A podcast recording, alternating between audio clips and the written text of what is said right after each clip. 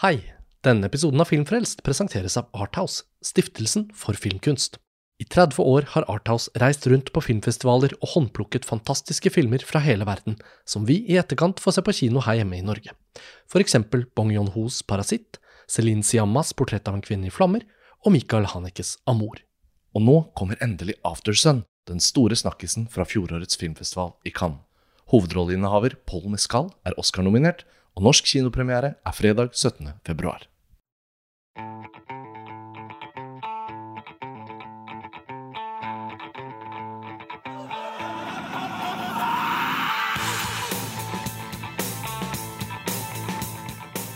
Hei og velkommen til en ny episode av Filmfrelst, podkasten fra filmtidsskriftet montasj.no.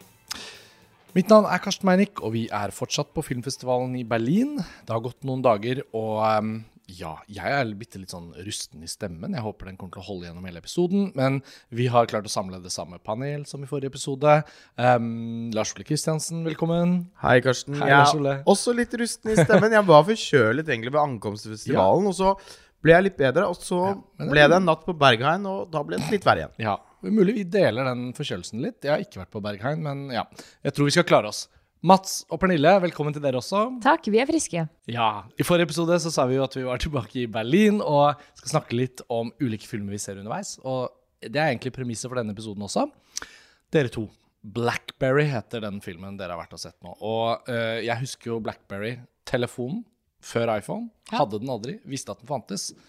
Og nå er det kommet en film, spørsmålstegn, om Jeg husker faktisk ikke Blackberry så godt, fordi den kom jo på en måte egentlig ikke til Norge på den tiden. Fordi Men jeg husker liksom voksengenerasjonen, som jeg da anså som voksengenerasjonen. Mm. Eh, det fantes noen som hadde Blackberry. Og det var en eh, telefon som istedenfor Nokia-telefonen hvor det var tall, og så trykket man mange ganger for å få ulike bokstaver, hadde et slags tastatur. tastatur. Det er Det er riktig. basically der jeg er. Ja. Og det var noe VAP, for de som husker det, på mobilabonnementene som gjorde at du kunne få en viss kobling til internett, kanskje. ja, det handlet mer om sånn eh, direkte eh, varsel om at du har fått e-post. Ja, nettopp. Og at du Ja, kunne også svare på den e-posten. Men det var veldig utfordringer med nettverksdeling, og det var liksom ikke helt sånn eh, Ja, de hadde ikke skjønt det ennå, da. Og for oss som ikke har vært og sett denne filmen, så er det jo umulig å ikke tenke på The Social Network når man hører at det er laget en film om da en sånn teknologisk eh, nyvinning. Eh, fortell oss nå, hva slags film er denne Blackberry? Det er jo en helt naturlig parallell å trekke, selvfølgelig, for det handler om teknologisk innovasjon og å være en pioner på noe som blir veldig banebrytende. Da. Og Blackberry er en kanadisk eh, produsert og regissert komedie, eh, biopic, eh, av Matt Johnson. Og nå husker jeg ikke han andre fyren, fordi jeg henger meg veldig opp i Matt Johnson. Husker du han andre Er det to regissører? Det er to. Det er okay. sånn duo. jeg har også laget filmer tidligere. Jeg Ja, husker jeg så Dirties. Ja, The Dirties, for den så jeg under uh, WIF for en Ja, del år siden. Tommy Altså, Lørdals. Tommy Lørdals eh, fantastiske Oslo internasjonale filmfestival. Rest in peace. Eh, den best kuraterte norske filmfestivalen noensinne. Eh, og jeg husker at den var veldig gode. Mm. Uh, og så har jeg egentlig vært litt nysgjerrig på å se noe av dem For den er igjen. noen år siden, kanskje ti eller noe sånt. Ja, årene fyker av gårde. Ja, fordi For de som kjenner til Matt Johnson i Canada, da, så er han egentlig primært kjent for en sånn humorserie som heter Nirvana The Band The Show, som er veldig morsom. Eh, Samboeren min er helt sånn obsessed med den serien. Han har vist meg veldig mye av den. Og Ok. det, han er hysterisk morsom. Ja. Eh, og vi så jo også et glimt av Matt Johnson i en veldig bra film vi oppdaget i Berlin i 2020 som het Anne at 13,000 Feet. Fins en podkastepisode om den? Ja, en den var jo så vi kjempebra. jeg har Ja, den lagde på film. Starbucks den gangen, tror jeg. Ja. Var det ikke det? Ja. Stemmer. Eh, så jeg har da over årene fått liksom sånne drypp av Matt Johnson, og jeg synes han er Han var også den første kjendisen jeg så. Vi gikk forbi han på gata da vi kom hit. Ja, med en gang. Eh, og eh, han er eh, en underbrukt fyr, rett og slett. Jeg vet ikke om han kanskje er jævlig busy og gjør masse annet i Canada jeg ikke får med meg, men han, jeg syns han er hysterisk morsom. Regisserer filmen, har skrevet den, produsert den, og spiller også da en av hovedrollene i filmen. Ja. Og eh, Apple har jo Steve Jobs, ikke sant? Og Social Network Facebook, der har vi Mark Zuckerberg. Hvem er da liksom hovedpersonen i Blackberry-historien? Jay Baruchel sin ho- eh, rolletolkning av en person jeg ikke husker navnet på. Nei, jeg husker ikke navnet på han heller, men, Men det er liksom han som fant ja, opp ja, ja. Okay. Han som fant opp Blackberry. Og Jay Baruchel, jeg husker han jo fra komedier, nesten utelukkende. Er Mm. er det en slags dramatisk rolle, eller du sa det var en slags komedie? Ja, eller Det er en, unektelig en komedie. Ja, jeg syns filmen er en komedie, men, Men en sånn han historie. gjør en dramatisk rolle, egentlig. Mm, ja. Fordi han er litt sånn straight face, han er nerden som finner opp alt, og dette er en ganske sånn eh, mm, omfattende Blackberries historie kokt ned til en to timers spillefilm, på en måte, så man får veldig Du får alt. Ja, du får alt, og det Mm. er noen tidshopp som gjør at du får dekker mye, på en måte. er vi tilbake på 90-tallet og sånn? Ja, ja, eh, ja, det er vel midtveis, tror jeg. Det er sånn de spiller The Cure, og det det er Ja. sånn testament, testamentet fra liksom 90-tallet. Ja. Er det name-dropping av Nokia 3210 og sånn, eller er det Nei, faktisk ikke. Fordi de er liksom forbi Eller jeg kan ikke huske at de snakker om det. Fordi de er, de er veldig på det her med smarttelefon Ja. og, og det som konsept. Og de, det er egentlig alt som er før det, er uinteressant. Men de er fortsatt sånn på fax og litt sånn Ja. Men det er ikke telefon av noen som spiller Snake, liksom? Nei, det er Nei, ikke det er det. ikke det. Det er veldig sånn IT-nerder som sitter og programmerer eh, på maskinene sine. Og må liksom dra ut pluggen på dataen hvis de skal liksom bruke telefonen fordi de må dele inn. Ja, Altså, det de er veldig name-dropper sånn Palm Pilot, og da var jeg sånn Ja. Åh, det hadde mamma. Var det var liksom ja, ja. min. Var det den hvor du liksom. hørte til en liten sånn penn? Ja. Eh, Ja. Akkurat den. En slags sånn kalender. Men hva er det kjernedrama? I The Social Network så var jo noe av det som drev fortellingen, var jo flashback-strukturen. At de satt Mm. i disse rettsforhandlingene osv. Dramaet her er vel egentlig at disse nerdeguttene har en idé. De er jo basically pionerene til smarttelefon fordi de tenker på at de har lyst til at du skal kunne ha med deg e-post. Og de har lyst til å få denne ideen ut i virkeligheten, men da må de jo ha fundings. ikke sant? Og så har de hatt en del mislykkede forsøk, og så dukker også da en av de viktigste rollene i filmen, syns jeg, eh, en, en, eh, veldig sånn solbrun dressfyr, eh, corporate eh, money, money, money-type, spilt av Glenn Howerton, som er helt fantastisk, og som mange, eller alle kjenner fra Soul Sunny in Philadelphia. Han er altså så styrtmorsom, og han kommer inn og sier sånn Jeg kan være med å funde dere, eh, men da skal jeg være CEO, og jeg skal ha 50 og så pantsetter han huset sitt og bare kaster seg ut i det. Og så følger vi egentlig bare den reisen fra liksom prototypen til investorene til at Blackberryen kommer ut i livet, og at den ekspanderer og blir en stor greie, fram til liksom Apple dreper det Med iPhone. med iPhone. Men det er jo også han som på en måte er bad guyen Ja. i det her. For Ja. det Steve er, Jobs? ja, nei. Nei. Nei, han Nei. Glenn Howard. Glenn Howertons rollefigur. Fordi det, bli, det er en veldig sånn erketypisk Disse nerdene som på en måte sitter i garasjen og bare har en veldig god idé og har skjønt noe som ingen andre har skjønt, Ja. men de har ikke noe business sense. Nei. Så det er det så de han kommer trenger inn han. med. Ja, men de, trenger han, da. Ja, absolutt, for det er han som får det off the ground, men han er jo en kjip fyr. Mm.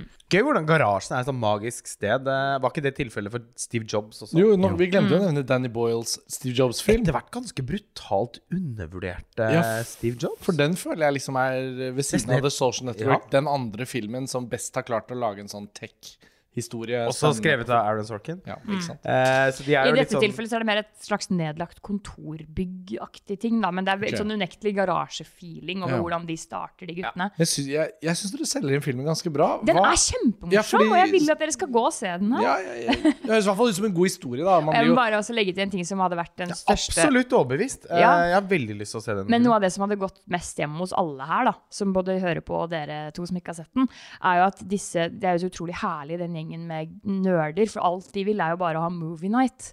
Altså, de har som en sånn der, Hver gang det skjer en krise, emergency movie night. En gang i uka, movie night. It's bad luck to work on movie night. Og så har de plakater av Serpico og Star Wars, og de siterer ting hele tiden. Og det er bare så herlig. De sitter og ser på They Live, og så Raiders plutselig of the Lost Ark. Raiders of the Lost Ark. Så ja, ikke sant? Det Og, ser vidunderlig ut. Eh, Du kunne opplyse oss om noe veldig morsomt som inntraff underveis, eh, Mats. eh, Nemlig Pernille sin reaksjon på å se den Serpico-posteren.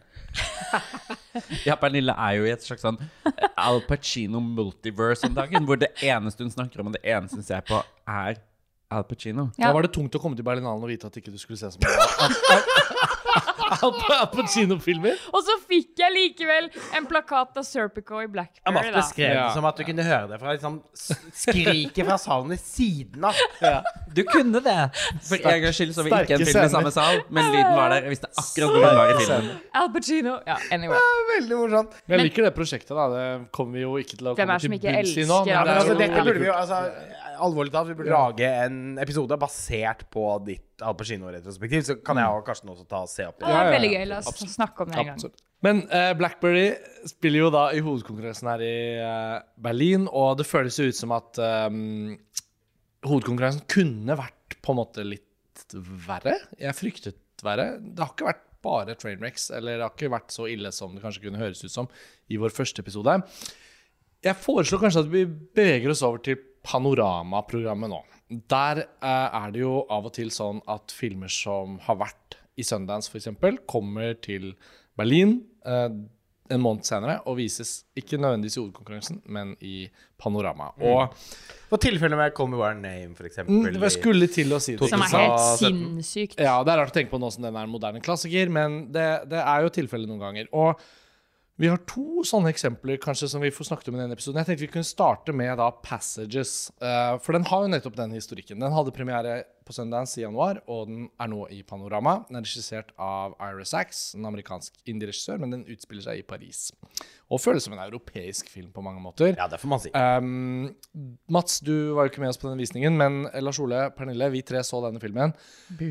Um, Frans Rogowski Som er et Berlinale-ikon. Ja, Ja. vi kan etter hvert komme inn på hvilke andre filmer han har spilt i, men for de som ikke tar han umiddelbart på navn, så var han jo i hvert fall sist her i Berlin var han i Undine til um, Petzold. Ja, og noen Også- ganger har jeg opplevd at han er allestedsnærværende her. Altså, at han ja. nær sagt er i alle filmer som Nettopp. vises på Berlinale. Um, uh, litt sånn som Lea Seydoux er i Cannes, så er det sånn Frans Rogowski. Yes. Um, Exactly. og så har vi Ben Wishaw, den britiske skuespilleren. Paddington. Ja, og for mange kanskje kjent fra de nyere Bond-filmene. Um, men han spiller da Frans Rogowskis eh, kjæreste, mann. De er gift. Um, og så kommer Adele X inn i livene deres. Ja, Adele X eh, eh, vår favorittskuespiller, Ja, jeg skriver under. dukker opp egentlig da som en litt sånn slange i Edens hage her, fordi at eh, Bra begrep. Hun Hun og Rogowski eh, sender noen blikk til hverandre på en slags uh, rappfest -hmm. etter en filminnspilling. Rogowski er regissør, um, og han har akkurat blitt ferdig med sitt nye prosjekt. Ja, og I løpet av de første fem minuttene av filmen så ser vi, skjønner vi at han er litt sånn, litt sånn demonisk eh, regissørtype. Og på festen så er jo da også samboeren til stede, men ikke i et sånn veldig humør. Han er veldig sånn partypooper. Han er sånn, ja, jeg fikk ikke danse, jeg er så sliten, jeg vil gå hjem. Ja. Og så i det hans men, men så kommer Adele Exarchopoulos sin karakter bort, Agathe, som hun heter, og, og, og lokker eh, Rogowski med ut på dansegulvet. Og det blir mer og mer intimt, hvorpå eh, Rogowskis samboer eh, eh, forsøker å på en måte eh, avbryte den situasjonen ved å selv bli veldig sånn Way, nå er jeg for. Ikke desto mindre så ender denne eh, kvelden med at Rogowskis rollefigur, som jeg ikke klarer å huske navnet på, og Agathe havner i sengen. Ja, og det er litt sånn motsatt utroskaps-trekantrelasjon, hvor man kanskje er mer vant med å se at på en måte fortellinger om heterofile relasjoner hvor noen som er i skapet, bryter ut, eller det som øh, inngår på en måte den egentlige relasjonen de så, så er det veldig sånn snudd på hodet her. Ja, og det var veldig forfriskende. Og han, eh, når han kommer hjem dagen etterpå, så er han veldig åpen om hva som har skjedd. Og han sier at åh, det var så fantastisk, jeg lå med en jente i går, og det var bare en stor opplevelse. Fikk meg til å føle meg helt liksom Ja. fornyet. Og han har jo da på en måte egentlig lyst til å både formidle, men også inkludere. Han gjør jo det egentlig som er riktig, hvis man eventuelt da har en, en åpen relasjon. som det i og for seg kan virke øh, ja. Som det litt kan virke som de kanskje har. Altså, han reagerer i, alle fall eh, ikke sånn umiddelbart Altså, Han han blir ikke sint nok til at de ikke har en sånn type ordning. Ben Wishaw, da. Ja, det er Ben Wishaw, eh, Ben Wishaw. Mm. Altså at eh, Jo, men altså måten Rogowski igangsetter den samtalen på, Mm. signaliserer at de ha, har et litt åpent forhold på en eller annen måte. Altså, han sier jo på et punkt "Uh, Could you be excited for me? Liksom sånn, Ja. Du burde støtte at dette skjedde, Ja, liksom. ja, og, og- det er jo egentlig veldig sånn wow. Ja, altså Han gjør på en måte da det helt riktige. Han, han forteller hva som har skjedd. Han har lyst til å inkludere sin samboer og kjæreste i den gleden, eller mann i den gleden. Og jeg får også inntrykk av at han er åpen for at dette er noe de kan dele på. Altså sånn, eh, Det virker som at han umiddelbart liksom får en slags eh, idé om at eh, kanskje, kanskje dette er noe vi kan utforske sammen. Uh, men uh, kofferter blir pakket. Og, Nøkler blir tviholdt på. ja, og relasjonen går da faktisk i oppløsning, men det er åpenbart på bakgrunn av noe annet. Ja, og dette er utgangspunktet for filmen. da Denne, denne liksom gnisningen i dette ekteskapet, som blir til et trekant forhold, men som ikke helt er et forhold, fordi det føles ut som at denne filmen konstant er i konfliktsoner. Det er ikke så mange harmoniske øyeblikk. Og, og det er også dette som gjør at vi skjønner at Rogowski sin rollefigur har noe problematisk eh, ved seg. Og han er jo da eh, i og for seg en litt sånn en klisjé av en vampyrisk, narsissistisk kunstnerskikkelse. Men jeg syns jo da måten filmen skildrer hans sosiopatiske trekk på, er veldig troverdig. Veldig. Og denne filmen kunne eh, forsøkt å på en måte egentlig også da bortforklare, eller overkomplisere, hans oppførsel med en Og gjøre han psykisk syk. ja, med en liksom, slags psykisk sykdom. Ja. Og at han får et angstanfall, eller at han glir inn i en psykose. Han blir lagt inn 'Jeg var en helt annen person enn den jeg egentlig er'. Men nei!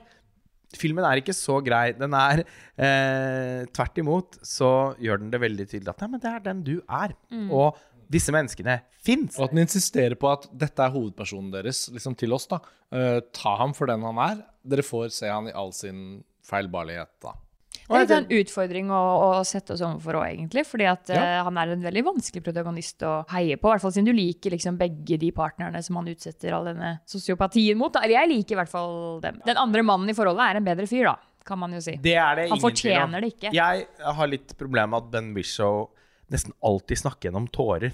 Så det blir en sånn Altså Åh, jeg blir litt sånn Åh, kan du ikke bare ta deg sammen litt? Jeg er veldig trøtt på ham som skuespiller. kjenner jeg. Eh, ja, eh, det er jeg òg. Men Det preget meg litt. når det er sagt, eh, har jo ikke noe vondt å si om hans på en måte rollefigur i den filmen, som helt åpenbart er en mye, et mye bedre menneske enn Rogowski sin rollefigur. Men jeg må innrømme at skulle jeg velge hvem jeg ville gå ut og ta noen drinker med, så hadde jeg nok likevel valgt uh, kunstneren her, da. Uh, fordi han har også en Jo, men altså det er også en kvalitet med filmen. Altså, Den lykkes med å skildre at han har en slags aura. Han er jo en kjempekarismatisk skuespiller. da. Absolutt. Og mm, han har noe interessant ved seg som gjør at han tross alt egentlig da lykkes med å leve en sånn sikksakk-tilværelse hvor han bruker og kaster eh, andre Og veldig, veldig sånn dramatisk anlagt karakter. At uh, man blir veldig usikker på hva han kan finne på i ethvert rom han går inn i. Uh, det er en fantastisk, er noen- fantastisk scene med svigerforeldrene Yes. uh, når han etter hvert har en slags relasjon med Adele. da Litt, midtveis i filmen så kommer de for å stille spørsmål ved hvem han er. Og da er det, da er det ikke måte på hvor mange sannheter han bare tar sånn rett i strupehodet. da Eh, veldig morsomt og, og kult. Og i den scenen så tenker jeg i hvert fall at Rogowski mer enn beviser at han er litt sånn most valuable player i skuespillergruppa her. For Radel hun har liksom en litt for liten rolle til at man kan snakke om at hun gjør en sånn stor prestasjon, utover å bare være seg selv, da. Og det er veldig gjevt. Og veldig flott kostymert. Veldig flott kostymert. Men jeg vet ikke med deg, Pernille, da, men jeg syns jo, selv om filmen har veldig mange kvaliteter, så syns jeg å være i selskap med denne nihilisten i sentrum av historien, det tæret litt på min liksom, entusiasme for opplevelsen. Det var en bra film, men det var også en film jeg på en måte ikke skal ha noe mer å gjøre med. Altså, den er jo bare sånn hva da, 93 minutter. Veldig kort og effektiv film, egentlig. Men til tross for det så kjente jeg at jeg ble, ble litt utålmodig. Mest med han, hovedrollen. Fordi det kommer til et punkt hvor man ikke orker mer, og så får man lyst til å filleriste de to andre. og bare sånn, herregud, kutt han her ut av livet. Men det er jo ikke så enkelt, selvfølgelig. Og det syns jeg de viser på en veldig god måte også. Uh, det som står ut for meg, det jeg kommer til å huske Jeg kommer ikke til å huske handlingen. jeg kommer til å glemme, Den er glemt om noen år, liksom. Men herregud, så bra skuespill. Altså, helt vanvittig. Jeg skjønner ikke hva Ira Sachs har fått til. Eller han har Jeg tror ikke at Rettelse. Jeg tror ikke Ira har fått til så mye her. Her er det de to, spesielt Adelex og Frans, som bare bringer liksom the A-game til denne paletten. Fordi jeg har sett tre Ira Sachs-filmer før, og han er liksom Han er ikke en åttør. Nei, jeg er ikke veldig opptatt av han. Så det at han har lagd denne filmen, så har han bare vært veldig veldig god på casting. Eller noen har gjort en riktig jobb med å få disse inn i miksen. Fordi det er en interessant menage à trois-ting gående her med disse skuespillerne. Og jeg har ikke noe å utsette på Ben Whishaw for øvrig. Nei, altså eh, Og jeg følte kanskje vi var litt unødvendige harmony i stad, men jeg, jeg er dessverre bare Nei, jeg står for alt jeg sa. Ja, men jeg, jeg er trøtt på å se han gå sentimentalt til verks. Og jeg er ikke noe begeistret for den Kanskje jeg ikke har sett noe mye av han? Jeg har bare sett Paddington, tror jeg. Liksom. Ja, og det er jo perfekt, for da slipper du å se på han. Da kan du bare nyte verdens beste filmtrilogi, sier jeg før Paddington 3 har kommet. Men da blir den det. Men dere mener nå Paddington-filmene hvor Ben Whishaw Er Paddington. dubber en animert karakter? ikke sant? Ja, som Ja. betyr at man slipper å se på han, som kanskje Lars Ole er lei av. Han har Jeg veldig syns fin ikke det er så ille å se på Ben Whishaw. Nei, altså, jeg syns hans range er eh, begrenset. Ja, det syns jeg altså. Ben Whishaw er en veldig vakker mann, men han har et register som jeg syns film for film viser seg å være mindre og mindre. Jeg syns fortsatt det mest imponerende jeg har sett av han, er parfymen til Tom Tykver. Ja. Og det var jo på en måte også et slags gjennombrudd. Jeg syns Bright Star til Jane Campion også er veldig Oi. Veldig god film. Ja, uff. Eh, men jeg vet ikke helt hva som har skjedd her. Men jeg, jeg syns jo egentlig Jeg så nylig Women Talking, som jeg mislikte sterkt, og syntes jo også han var Altså ett av mange problemer med den filmen. Og han var egentlig litt i samme modus i denne, bare mer nyansert. Bare fordi Ah, det er filmen derfor du har dette friskt i minnet. Ja, jo, men altså, jeg har nettopp blitt utsatt for Ben Whishaw i Gjennom tårer-modus. Og det ja, men jeg, jeg bare syns at det blir litt for monotont og virkelighetsfjernt, da. Ja, og jeg tenker at i, for å oppsummere rundt Passages, da, så syns jeg jo også at karakteren her kunne vært skrevet med litt mer omf, liksom. Helt klart. Han, han er visst en slags forfatter, han driver med noe grafisk design. Det er ikke sånn, Han er ikke tapt bak en vogn, men han er helt ute av stand til liksom å måle seg med Rogowski. da. Og da tenker jeg det handler litt om hvordan filmskaperen caster det her òg. At det er ikke vanskelig å se for seg ganske mange skuespillere som kunne fylt den rollen og hatt litt mer å, å, å by på i møte med en så energisk og karismatisk skuespiller som Rogowski. Men nå føler jeg at dere glemmer at de gjør en ganske imponerende og lang sexscene. Fordi den var helt ekstremt eksplisitt, liksom. Den var, det var sånn blå er den Og det varmeste gjør du ikke som en dårlig skuespiller. sexscene. Akkurat den sexscenen Nei, den var det var helt utrolig utrolig. bra. Jeg ble sånn Oi, disse har jo sex, liksom. Ja, ja, utrolig bra. Og den var veldig Den var jo ikke eksplisitt. Nei, men den var langvarig Ja da, og jeg- jeg real, mener bare sånn, og hvis man man- var liksom i Det var et moment-type Ja. ting, hvor det var, var veldig sånn dette, jeg, Nå forsvinner det at det er skuespill. Eller, Ja, det, altså det var den beste sånn det. skuespillerprestasjonen Ben Wishaw gjorde i filmen, kanskje. Ja, og jeg opplevde den som på en måte eksplisitt, bare fordi den var så nære og intim. og sånn. Det er også en annen veldig flott sexscene i filmen, med Adele Xarkopoulos og Frans Rogowski på en sofa. Begge er veldig ryggorientert. Ja, Så det er jo ikke Bare så lytteren ikke tenker at de er eksplisitte på en sånn Nei, men de er ikke erotiske sånn Nei, det er ikke pornografiske. måte, men- det er ikke pornografisk. men Veldig mye sånn rygg Mye sånn litt sånn okselignende på en Ja. måte kameravinkel. At du får mye sånn ryggmuskelbevegelse. Men det er noe med bevegelsesmønsteret som gjør at det blir veldig real, da. Ja, ja, ja. Og, Men ja. det er ikke det samme som eksplisitt, syns jeg. Nei, man jeg- skal sette forventningene. Jeg, eh, du Men det er en finger oppi rumpa hans, da. Og det ser vi jo, så det Ja, Jeg så ikke den. Jeg så den. Okay. Ja. Men i, i alle tilfeller så syns jeg filmen eh, egentlig er veldig god, da, i de scenene. Og jeg syns at kjemien, eh, som blir mer og mer komplisert, mellom Adele Exarchopoulos og Frans Rogowski sine rollefigurer, er eh, virkelig er ordentlig bra, da. Og de spiller så bra. Eh, og i det hele tatt så syns jeg filmen lykkes med å være så, med å oppleves som autentisk i mange scener der den kunne vinglet. da. Og det er så mye den kunne gjort galt, som den velger å gjøre Som, som den gjør riktig. Men den utfordrer heller ikke seg selv, og man kan si at eh, på de 91 minuttene den da har liksom valgt å ha til rådighet, så utretter den mindre enn man i utgangspunktet da forventer. Så, så når filmen er over, så tenker jeg at den at, at, eh, at den mest av alt er liksom noen, noen enkeltelementer. Uh, og det er synd, fordi hvis denne filmen var bedre skrevet, rett og slett, eh, så, så tror jeg det kunne vært eh, Eller hatt en bedre regissør. Jeg skulle gjerne likt å se Saverio Dola sin take på Det ville denne vært historien. fantastisk. Men Xavier Dolan lot jo allerede til å ha designet på noen av kostymene, da. Fordi det, altså, de eh, Adel X Sarkopolos er her nesten utelukkende kledd i rødt og svart. Det er min personlige favorittfargekombinasjon. går mye i det selv. Det ser vi.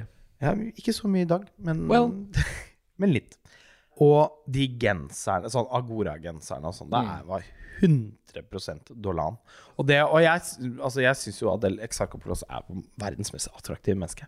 Så å se henne kostymert på den måten var jo en attraksjon i seg selv. Det var kostymering som nesten liksom omgjorde bildene til at det var det viktigste som skjedde i scenen. Ja da, for det, det sto Det var sånn Det er noen slags tekst her, og det snakkes om noe, men jeg ser bare på genserne. Det var veldig eh, påfallende. Eh, og man kan det. sikkert også kritisere kostymedesignet for å være litt for on the nose. Jo, men helsetrøye har nok lenge vært umoderne. Men, Ikke på Bergheim. Nei, ikke sant. Men uh, Rogowski introduserer en sånn helsetrøyelook som er ok. Mats, um, Passages, den hadde jo ikke du sett. Nei. Men du og jeg har noe til felles uh, fra de siste dagers Berlinale-opplevelser. Fordi jeg har sett den norske filmen 'Dancing Queen', som ble vist i uh, Generation-programmet. Og du har sett Muriel's Wedding. Ja, så ABBA ABBA. ja, er jo et slags fellestrekk her. Og selv om det ikke er så veldig mye ABBA i 'Dancing Queen' da, til Aurora Gosé, um, uh, så er det en cover av uh, 'Dancing Queen'. Perfekt. Um, en slags sånn, jeg holdt på å si, en Maria Mena ved pianoet-cover. Jeg husker ikke hvem som gjør coveren, det er ikke Maria Mena, men ABBA er i hvert fall til stede da, i sjelen. Uh, så vi ble vel enige før vi skulle skru på til denne episoden at vi må jo si noe om dette lille båndet. Jeg kan jo begynne med at uh, norsk film har jo da i år i særlig eh, grad en tilstedeværelse i Generation-programmet med denne filmen. Den er uh, skrevet av Silje Holte, produsert av Thomas Robsam. Den er satt til Hamar og Aurora Gosset, som lagde en kjempebra eksamensfilm fra filmskolen i sin tid. En av de beste eksamensfilmene ja. fra den norske filmskolen noen gang. Og som har gått litt gradene, og nå endelig gjør en, en film som dette. Jeg syns 'Dancing Queen' skriver seg jo inn i en sånn dansefilm, ungdomsfilm, familiefilm, barnefilmsjanger. Sist vi hadde det i Norge, var vel Katarina Launings 'Battle'. Men før det igjen så tenker jeg jo at dette er jo en mikstur som vi på en måte er kjent med. Det, det, hvis det fungerer bra, så fungerer det bra. Og her syns jeg det ble veldig vellykket. Det skal sies at filmen vises i Generation, der tyske barn og ungdommer inviteres med til å se filmen, hvorpå det da resulterer i det vi har nesten bare opplevd i Berlin live dubbing. Altså, ja, det er et uheldig um, eh, grep, men det er vellykket for tysk publikum. Det betyr at filmen vises uh, med originallyd og engelsktekst, men på litt lavt volum, sånn at publikum skal høre live dubbing av replikkene. Hvorpå det på en måte blir noe sånn som Hei, velkommen hit. Og så sier den tyske damen Hallo, velkommen ja. Over. Og sånn ble denne filmen vist, da. Så med det sagt, så var det et lite filter der som var litt vanskelig å komme rundt. Altså jeg må innrømme, når jeg fikk nyss om det, så, ja, du skulle jo være med meg. så hoppet jeg. Og det så sto jeg over. Jeg respekterer at du sto over. Og da Jeg har jeg opplevd det uh, et par ganger tidligere i Generation-programmet i Berlin og Uh, vært helt ute av stand til å Ja, men du skal se denne filmen når den kommer, for jeg syns filmen var veldig bra. Sjarmerende, fin film. Og den var jo en enorm suksess i rommet. Ja, for det var det jeg skulle til å si. At til tross for, for oss, da, Ja, som ja. veldig gjerne vil se denne bare i original Ja, originalform, og den har premiere i Norge om en uke, så det er jo på en måte ja. så forsto jeg at det var en veldig suksess i, Ja, det blant det ikke- tyske publikummet. Det var ikke ett ledig sete, og det var liksom nesten sånn applaus underveis. Anne Marit Jacobsen spiller bestemoren til hovedpersonen, og hun har noen replikker som først kommer på norsk, jeg ler, og så kommer den tyske dubbingen, og så bruser det gjennom rommet, ikke sant. Um, så det var en kjempesuksess der og da, og jeg tenker desto fullere saler, desto bedre for denne filmen, da, for den har noe sånn veldig sånn smittsom publikumsvennlighet. Så det var en stor glede å oppleve, og, og det handler om en jente som får lyst til å begynne med hiphop-dans, fordi det begynner en uh, ny gutt på skolen, hun går i 7. klasse, og han er sånn hiphop-dansechampion fra Oslo, som har flyttet til Hamar. Og eh, så følger vi henne gjennom hele det skoleåret, hvor hun da gjør alt hun kan for å bli god til å danse, eh, og støter på ganske mange hindre underveis da. Men Muriel's Wedding, Mats, altså hva brakte den australske klassikeren til Berlinalen, og, og hvordan var det å se den eh, igjen, regner jeg med? Der igjen, ja. Den, den er valgt Sa han med sikkerhet. Ja. Den er valgt ut som eh, en del av retrospektivet, hvor Berlinalen har invitert et knippe kjente mm, filmskapere til å velge seg ut en film under temaet 'Coming of Age'. Og da er det en tysk regissør som jeg dessverre ikke husker navnet på akkurat nå, som har valgt ut denne filmen til dette retrospektivet. Ja. Og hun har da valgt eh, den australske filmen 'Muriel's Wedding' av PJ Hogan, som handler om en litt sånn stakkarslig Tony Collette i en kanskje ikke veldig tidlig rolle, men en ganske tidlig rolle. Da, for vi Og gjennombruddsrolle. Ja. som har fulgt denne karrieren lenge. Den er fra 1994, denne filmen. Mm. Som en litt sånn traust, ikke så kul ung kvinne som har veldig lyst til at livet skal være mer enn det det er. Og en av de tingene som hun har tenkt at er nøkkelen til å bevise at hun er noe, det er å bli gift. Samtidig så har hun en veldig forkjærlighet for ABBA. Så hun vil bare høre på ABBA, og hun vil bare synge ABBA på karaoke. Og det er et veldig gjennomgående ABBA-motiv i den filmen. Blant annet så er den første, filmen, nei, første sangen som blir spilt, 'Dancing Queen'. Så Oh. klart. Ja. Eh, så da den spilte, så var jeg sånn Å, nå ser Karsten Dancing Queen, og jeg ser Dancing Queen ja. samtidig. ja. It's all connected. It's all connected. Hele Berlinale-programmet er en stor smørje. Ja. Ehm, og det var et skikkelig sånn En skikkelig godbit av en film å gå og se når man kanskje føler at det er litt sånn traust. Berlinale-programmet er bra når det er bra, så er det dårlig når det er dårlig. Og det å gå inn i noe, så vet man at nå kan jeg bare slappe av. For dette Mm. vet jeg at blir morsomt. Du har trygge hender. Ja, rett og slett. Og det er en kjempemorsom film. Det er en del ting som gjør at man skjønner at den er fra 1994. Det er noen vitser som man tenker sånn «Å, mm, Hadde ikke fått lov å si det i dag. Nei. Men den er kjempemorsom. Rachel Griffiths, som spiller den på en måte eh, Eller som er den andre skuespilleren som man virkelig kjenner igjen i denne filmen, da, er så sinnssykt bra. På en sånn tullete måte som jeg ikke Jeg var så forberedt på at Tony Collette skulle være bra, som hun selvfølgelig er, fordi hun alltid er det. Og det er en veldig morsom film. Rachel Griffiths er enda bedre.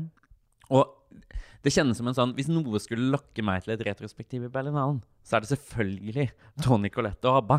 Og så fikk jeg på en måte et litt sånn krydder av Rachel Griffiths i tillegg. Rachel Griffiths fra Six Feet Under, som også bare gjør en helt enorm rolleprestasjon i den mesterverkserien. Ja, fordi hun er egentlig en veldig mye bedre skuespiller enn det man skulle tro ut fra den karrieren hun har. For det er liksom Six Feet Under og Brothers and Sisters på Verden TV2. er så urettferdig Ja. noen ganger. Hun var vel i den Hillary and Jackie også, Ja, om og- cellisten Jacqueline Dupré. Hva skjedde da?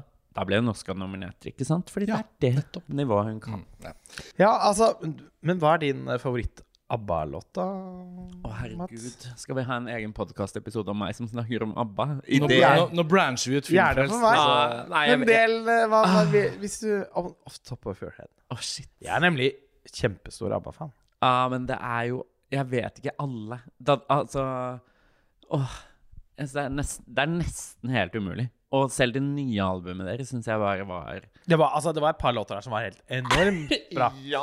Eh, og så var det noen som var favoritt. skikkelig pinlige òg. Men eh, Ja, men min, min favoritt er The Day Before It Came og Lay on your, All Your Love On Me. ja, Den siste er min òg. Ja. Det er lov å si Chiquita og Ja, Fernando for det er sånn. lov å si en hvilken som helst. ABBA-låt. Ja, ja, ja. Det går ikke Det er ikke feil. også helt Altså, hele Volevo-albumet Ja. er jo et Altså, men jeg er veldig Men jeg er jo veldig nerdete på dette, så for meg har alltid det albumet ABBA Gold vært, ja.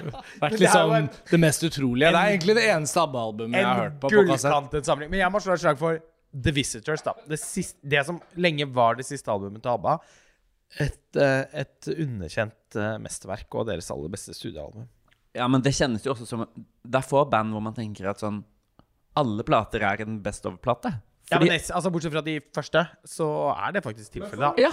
Og den selvtitulerte ABBA-plata er heller ikke så sterk, men altså Så så å si alle de andre. ja, det er Men- banger på banger. Men på for å branche ut som en avslutning på episoden, da skulle vi ta en ranking på hva som er de beste ABBA-filmene? Lars Ole, Mamma Mia og Mamma Mia Here We Go Again. De er vel høyt på listen hos deg? altså, jeg tror aldri jeg har skapt så mye engasjement som da jeg på humoristisk vis blodslaktet Here We Go Again. Um, og det var uh, i en periode hvor vi også hadde en sånn slags sånn utvekslingsavtale med Morgenblad. Så mange Ja, det var noen tekster som gikk til den portalen som de hadde den gangen for tidsskrifttekster. stemmer, og den uh, valgte de seg, da. Og det, resultatet av det var at den også ble liksom postet på Morgenbladets Facebook-sider. Og det var mye aktivitet i kommentarfeltet på montasje også, og på Montasj sin Facebook-side. Men hos Morgenbladet var det, tok det helt av. Og altså, menneskers kjærlighet til Mamma Mia-filmuniverset er altså Grenseløs? tilsynelatende aldeles grenseløst. Jeg syns jo det er et problem i kulturen vår at de filmene er blant de mest innbringende på norsk kino noensinne. Skal jeg fortelle deg noe? Det burde egentlig føre til noe. Skal jeg fortelle deg noe, Lars Ole? Ja. Da Mamma Mia, Here We Go Again Og dette sier jeg som kjempefan av ABBA. kom på kino, så tok jeg initiativ til en double feature.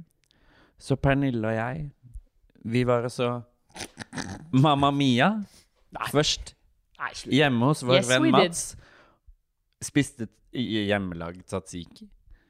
Fordi det var jo gresk tema. Naturligvis. Så gikk vi til Vika kino, og så Mamma Mia, Here We Go Again. Syv stykker.